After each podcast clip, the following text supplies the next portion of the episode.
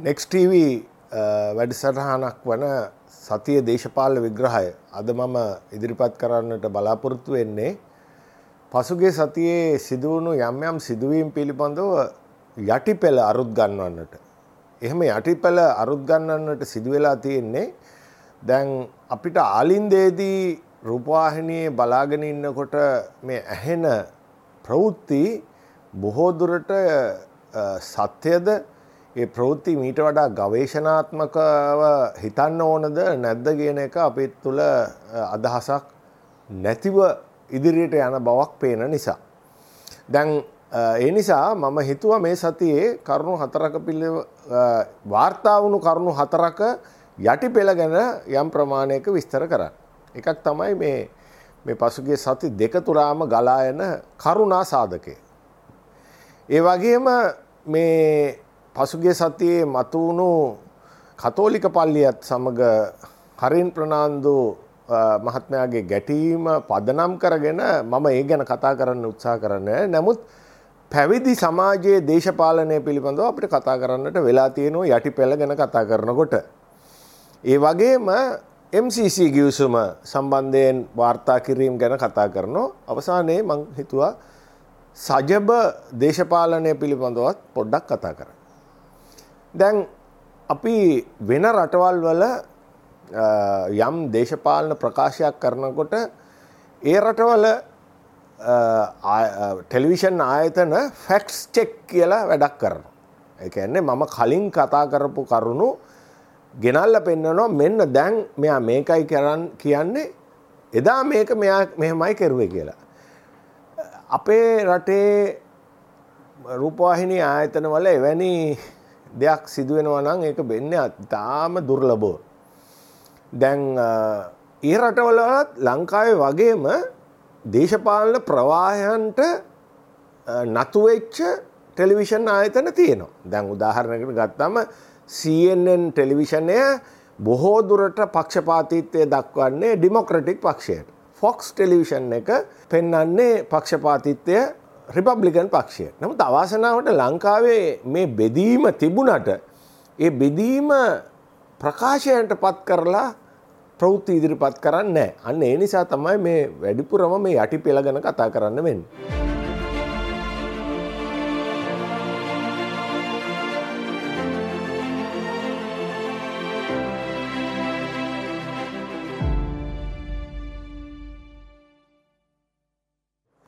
පළමුුව කතා කරමු මේ පැවිදි දේශපාලනය ගැන.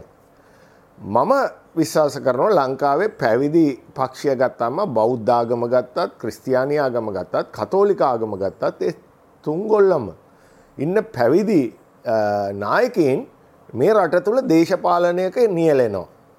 හැබැයි ඒ දේශපාලනය නියලිලා තම තමන් කැමති පක්ෂවලට සහයෝගය දෙන බව එලිපිට කියන්නේ නෑ. තමන්ගේ ප්‍රකාශවලින් කතා කරන්නේ තමන් බොහොම ඉහල මට්ටමක ඉඳලා තමන්ගේ අනුශාසනාවන් ආශීර්වාදයන් දෙන බව. නමුත් යටි පෙළ තියෙන්නේ මම අහවල් අපේක්ෂකයට නායකයට රාජ්‍යනායකයට නිශ්චිත වශයෙන් සහයක දෙනවයි කියන එක. මේක කිසිම වැරද්දක් නෑ. ඒ වගේම යම් යම් ප්‍රතිපත්තීන් සම්බන්ධව අපේ පැවිදි සමාජය අදහස් ප්‍රකාශ කරනවා. ප්‍රශ්නය තියෙන්නේ එහෙම දේශපාලනයේදී නියෝජන ප්‍රජාතන්ත්‍රවාදයේදී තමන්ගේ අදහස් මත ප්‍රකාශ කරනවා නං ඒ මතවලට විවේචන ලබාගන්නටත් ඉවසන්නටත් පුරුදුවෙන්න ඕන. විවේචනයක් කරන අවස්ථාවකදී පැවිදි සමාජය කරන ලද මතයක් අනුසාරයෙන් ආයිසරයක් භක්තිය පිටිපස්සට ගිහිල්ලා ඉකිබිඳ ආණ්ඩලා ආවරණය පතන්න බෑ. දැන් අපි පැහැදිලිව කියනවා ලංකාවේ භික්‍ෂු සංස්ථාවට දේශපාලනය කිරීම අපි පිළිගන්න. කිසිීම වාදයන්න ආචාර්ය වල්පල හාමුදුරුවෝ භික්‍ෂුවගේ උරුමය කියන පොත ලිව්වා කාලේ ඉඳල එක්දා සමසි හතලි සටේ ඉඳලා ලංකාවේ අනාධිමත් කාලයක් අපේ යතිවරයාණන් වහන්සේලා දේශපාලනය එදිලයින්. හැබැයි ඒ දේශපාලනය යෙදුනට කමක් නෑ ඒ දේශපාලනයට විවේචනයක් තියෙන බව අමතක කරන්න එපා. ඒ විවේචනය එන්නේ ප්‍රතිපත්තියක් මත. ඒ ප්‍රතිපත්තිය උන්වහන්සේලා මේ යම් මතයක් ප්‍රකාශ කරන්නේ තවදුරටත් බුද්ධ පුත්‍රයාණන් වහන්සේලා හැටියට විතරක්ම නෙවෙයි. රට හදන ප්‍රතිපත්තියක කොටස්කරුවක් හැටියට. එතකොට රට හදන ප්‍රතිපත්තියක කොටස්කරුවෙක් වුණාම ඒ ප්‍රතිපත්තියට විකල්පයකුත් තියෙනවා. එතකොට විකල්පය දරන අය විවේචනයක් ඉදිරිපත් කරන්න පුළුවන්. ඉතින් ඒක ඉවසන්න පුරුදු වෙන්න ඕන. එහෙම නැතුව පැවිදි සලුපටේ පිටිපස්සට ගිහිල්ලා මෙන්න මෙයා මට අපහස කරනවා මෙයා මට බුද්ධාගමට අපහස කරනවා කියලා කියන එක වැරදි. දැන් කතෝලික ආගමෙත් එහෙමයි. දැන් ඔබ දන්නවා එක්දස් අටසිය අනු එකේ තමයි අර අපේ වල්පොල හාමුදුරුවෝ භික්ෂුවගේ උරුමය ගැන කතා කරා වගේ දහතුන්ගනි ලියෝ පාප්තුමා තමයි එක්දා සටසිය අනු එකේදී. රේරුම් නොවෝරුම් කියන චක්‍රලේකය නිකුත් කරලා පල්ලියට දේශපාලනය කිරීම. මහජන දේවල් ගැන ගැන භක්තියට අමතරව මහජන දේවල් ගැන කතා කිරීම අයිතිය දීලා තියෙන. එනිසා කතෝලික පල්ලියටත් දේශපාලනය කරන්න පුළුවන්. හැබැයි දේශපාලනය කෙරුවට ඒ කරනව නම් ඒ විවේචන භාරගන්නටත් ඕන. දැන් පසුගේ සතියේ ඇත්ත විවේචනය තමයි ඒ අය පෙන්නුම් කරන්නේ දේශපාලනයක් කරන්න නෑ වගේ. දැන් ම සරල උදාහරණයක් කියන්නම්. ගේ සතියේ අපේ පූජ්‍ය ඇල්ලේ ගුණවන්ස ස්වාමීන් වහන්සේ මං ඉතාම ගරු කරන ස්වාමීන් වහන්ස කෙනෙක්. උන්වහන්සේ සුභාරතී වැඩ සටහනට ගිහිල්ලා ගෝටාබේ රාජපක්ෂ මහත්තයට සහය දෙන කණ්ඩායම පාර්ලිමේන්තුවට පත්කිරීමේ අවශ්‍යතාවය අවධාරණය කර. දැන් එහෙම කරනවා නම් ඇල්ලේ ගුණවන්ස හාමුදුරුවන්ගේ ප්‍රතිපත්තියට අපි එකඟයි. එකනේ එහෙම ඉදිරිපත් කරන්න පුළුවන්. හැබැයි මට අයිතියක් තියෙන්න ඕන උන්වහන්සේගේ ඒ ප්‍රතිපත්තිය විවේචනය කරන්න. ඒ වෙලාවට මට උන්වහන්සේ බුද්ධ පුත්‍රයෙක් හැටියට මගෙත් එක වාදයට එනවා නම් ඒක වැරදි. මෙන්න මේ ප්‍රශ්නය අපි මේ සමාජයේ निराකරණය කරගන්න ඕන. ඒ කියන්නේ පැවිදි සමාජයට දේශපාලනය කරන්න තියෙන අයිතිය අපි පිළිගන්නවා. හැබැයි ඒ දේශපාලනය කරනකොට ඒ සඳහා විවේචන විකල්ප අදහස් අහන්න සූදානම්ම පැමිණෙන්න ඒ අවස්ථාවේදී භක්තියේ සලුපටේ හැඟවෙන්න එපා ඒක මේ සමාජයට හානියක් කියන එක අපි කියන්න කැමති. ඒක තමයි පළවෙනි කරුණ.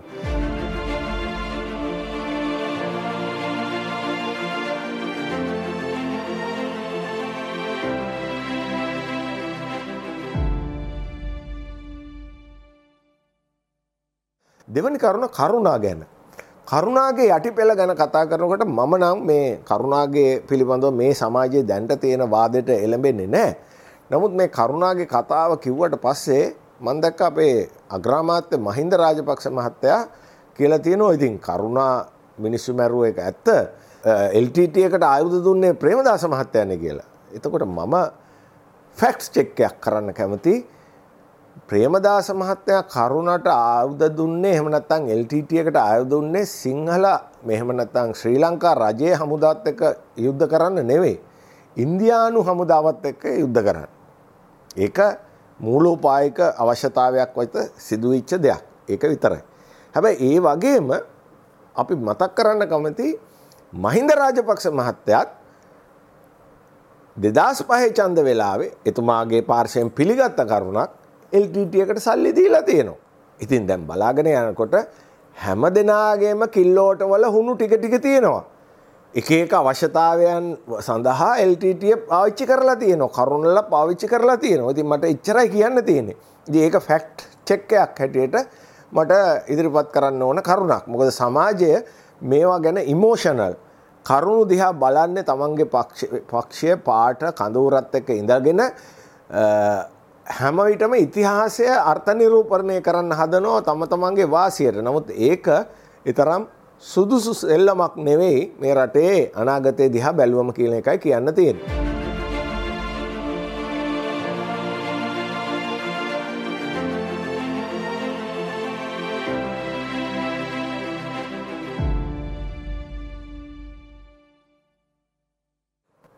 තුන්වෙනි කරුණ මට කියන්න තියෙන මේ MCC ගිවිසුම ගැන.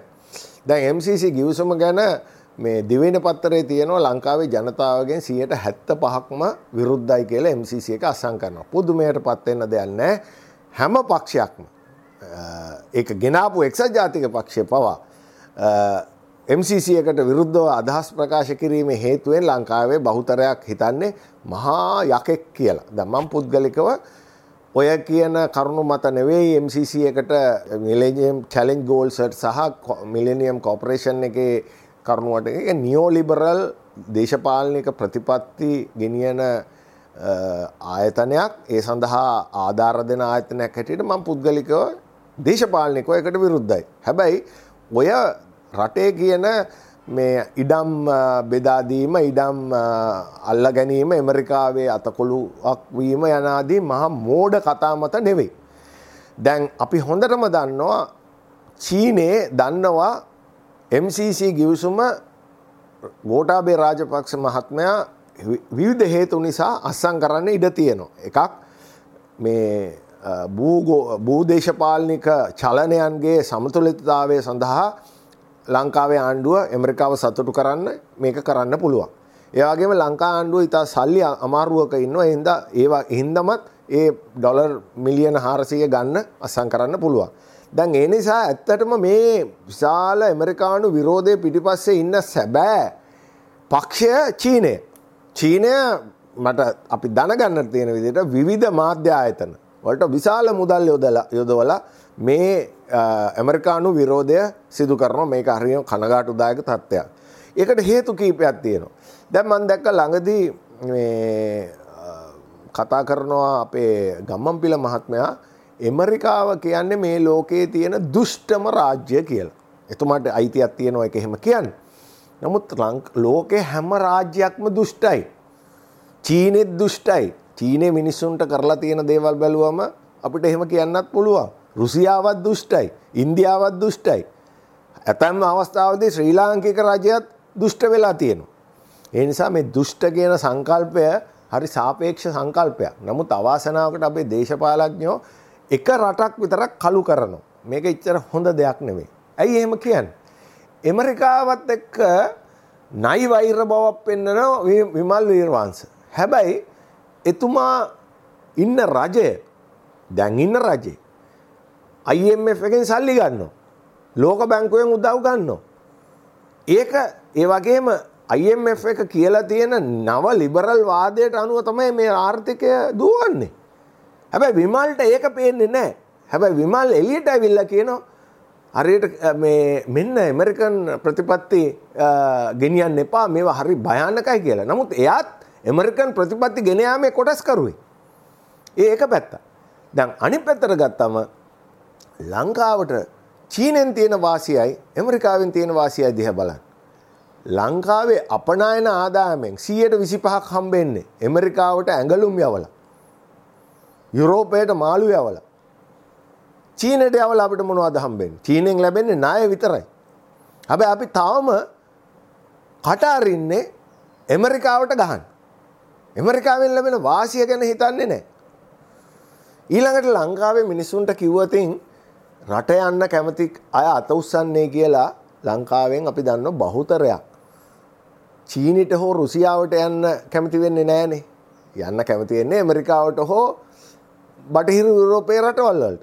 ඒ වගේම ඇමරිකාවට යන්න ඉඩ දෙනවයි කියලා කිව්වොත් මං හිතන්නේ ලංකාවේ මේ සියලු දෙනාම එහෙම යන්න පුළුවන්. එවැනි පසුබිමක ලංකාවේ සමාජයෙන් සියයට හැත්ත පහක්ම MCC ගිවිසුමට විරුද්ධයි කියලා කියන එක තුළ යම්කිසි උත්ප්‍රාසයක් තියෙනවා. මෙන්න මේක තමයි ලංකාවේ දේශපාලනය ඇතුළ තියෙන පරස්පරය කියලා අපි කියන්න කැමති.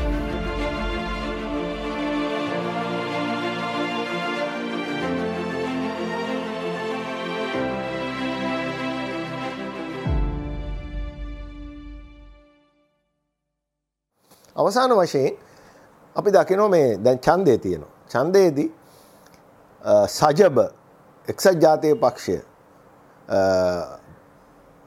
පොහොට්ටුවේ පක්ෂය තරඟ වදිනවා. දැන් මෙතනදී ඉතා කදිම මේ ගතිකයක් නිර්මාණය වෙලා තියෙනවා සතුරාගේ මිතුරා සතුරාගේ සතුරා කියන සම්බන්ධතාවය තුළ ඇතැම්මිට මිතුරොත් සතුරොත් නිෂ්පාදනය වෙන. දැන් එක්සත් ජාතිපක්ෂයට පේන්න තියෙන සතුරා වේ වෙලාවේ අපි දකින විදියට මහින්ද රාජපක්ෂ මහත්තයා ප්‍රමුඛ පොදුජන එක්සත් පොදුජන පෙරමුණ නෙවෙයි සමගි ජන බලවේගය ඒක ප්‍රකාශවලින්ම පේනු. ඒ නිසා එක්සත් ජාතිය පක්ෂය ඉතා දැඩි ප්‍රහාරයක් සමගි ජන බලවේගයට යොමු කරන අතරේ රාජපක්ෂවරුන්ගේ දේශපාලනය සමඟ අනියම් පෙම් සම්බධතාවයක් පවත්වන. මේ ඉතා කණගාටදායක තත්ත්වය. නමුත් එතෙන්දි අපිට කියන්න තියෙන්නේ ඉතා වැදගත් වෙන්න මේ වෙලාවේ සමගි ජන බලවේගය පැහැදිලිව එක්සත් ජාතිය පක්ෂයත් එක අරගලයකට රණ්ඩුවකට ගිහින් නැතුව මේ සියලු ශක්තිය මේ වෙලාවේ රාජපක්ෂවරුන්ගේ දේශපාලනට එරෙහිව යොදවනවාන මං හිතන්නේ ඊළඟ පාර්ලිමේන්තුවේ නියෝජනය මීට වඩා ශක්තිමත් කරගන්න පුළුවන් කියන අදහසක් තමයි මට තියෙන්නේ. ඉතින් ඒ නිසා මේ එක්සත් ජාතික පක්ෂය මේ කරන දවල් මිගෙල් රෑදනියල් සෙල්ලම නවත්තලා දාලා තම තමන්ගේ දේශපාලන ප්‍රතිපත්ති අනුව රාජපක්ෂවරුන්ට කඩයන්න නැතුව තමන්ගේ දේශපාලනය කරනවා නම් මං හිතන්නේ රටේ දේශපාලන අනාගතයට හොඳක් වෙයි. මොකද ඒකට හේතුව අපි දිගින් දිගටම කියනවා ගෝඨාභය මහත්තයා මේ ආණ්ඩුව ඉදිරියට යන්නේ සිවිල් මිලිටරි ඒකාධිපතිත්වයක් කරා. එහෙම යනකොට ඒකට රහසේ හෝ ශක්තිය දීම මං හිතන්නේ මේ රටේ පුරවැසියන් හැටියට ප්‍රජාතන්ත්‍රවාදය ගරු කරන පුද්ගලයන් හැටියට සුදුසු ක්‍රියාවක් නෙවෙයි කියලා. එසේ කියමින් මේ සතියේ කරුණු දැක්වීම මෙයින් නිමා කරනවා. ඔබට ස්තුතියි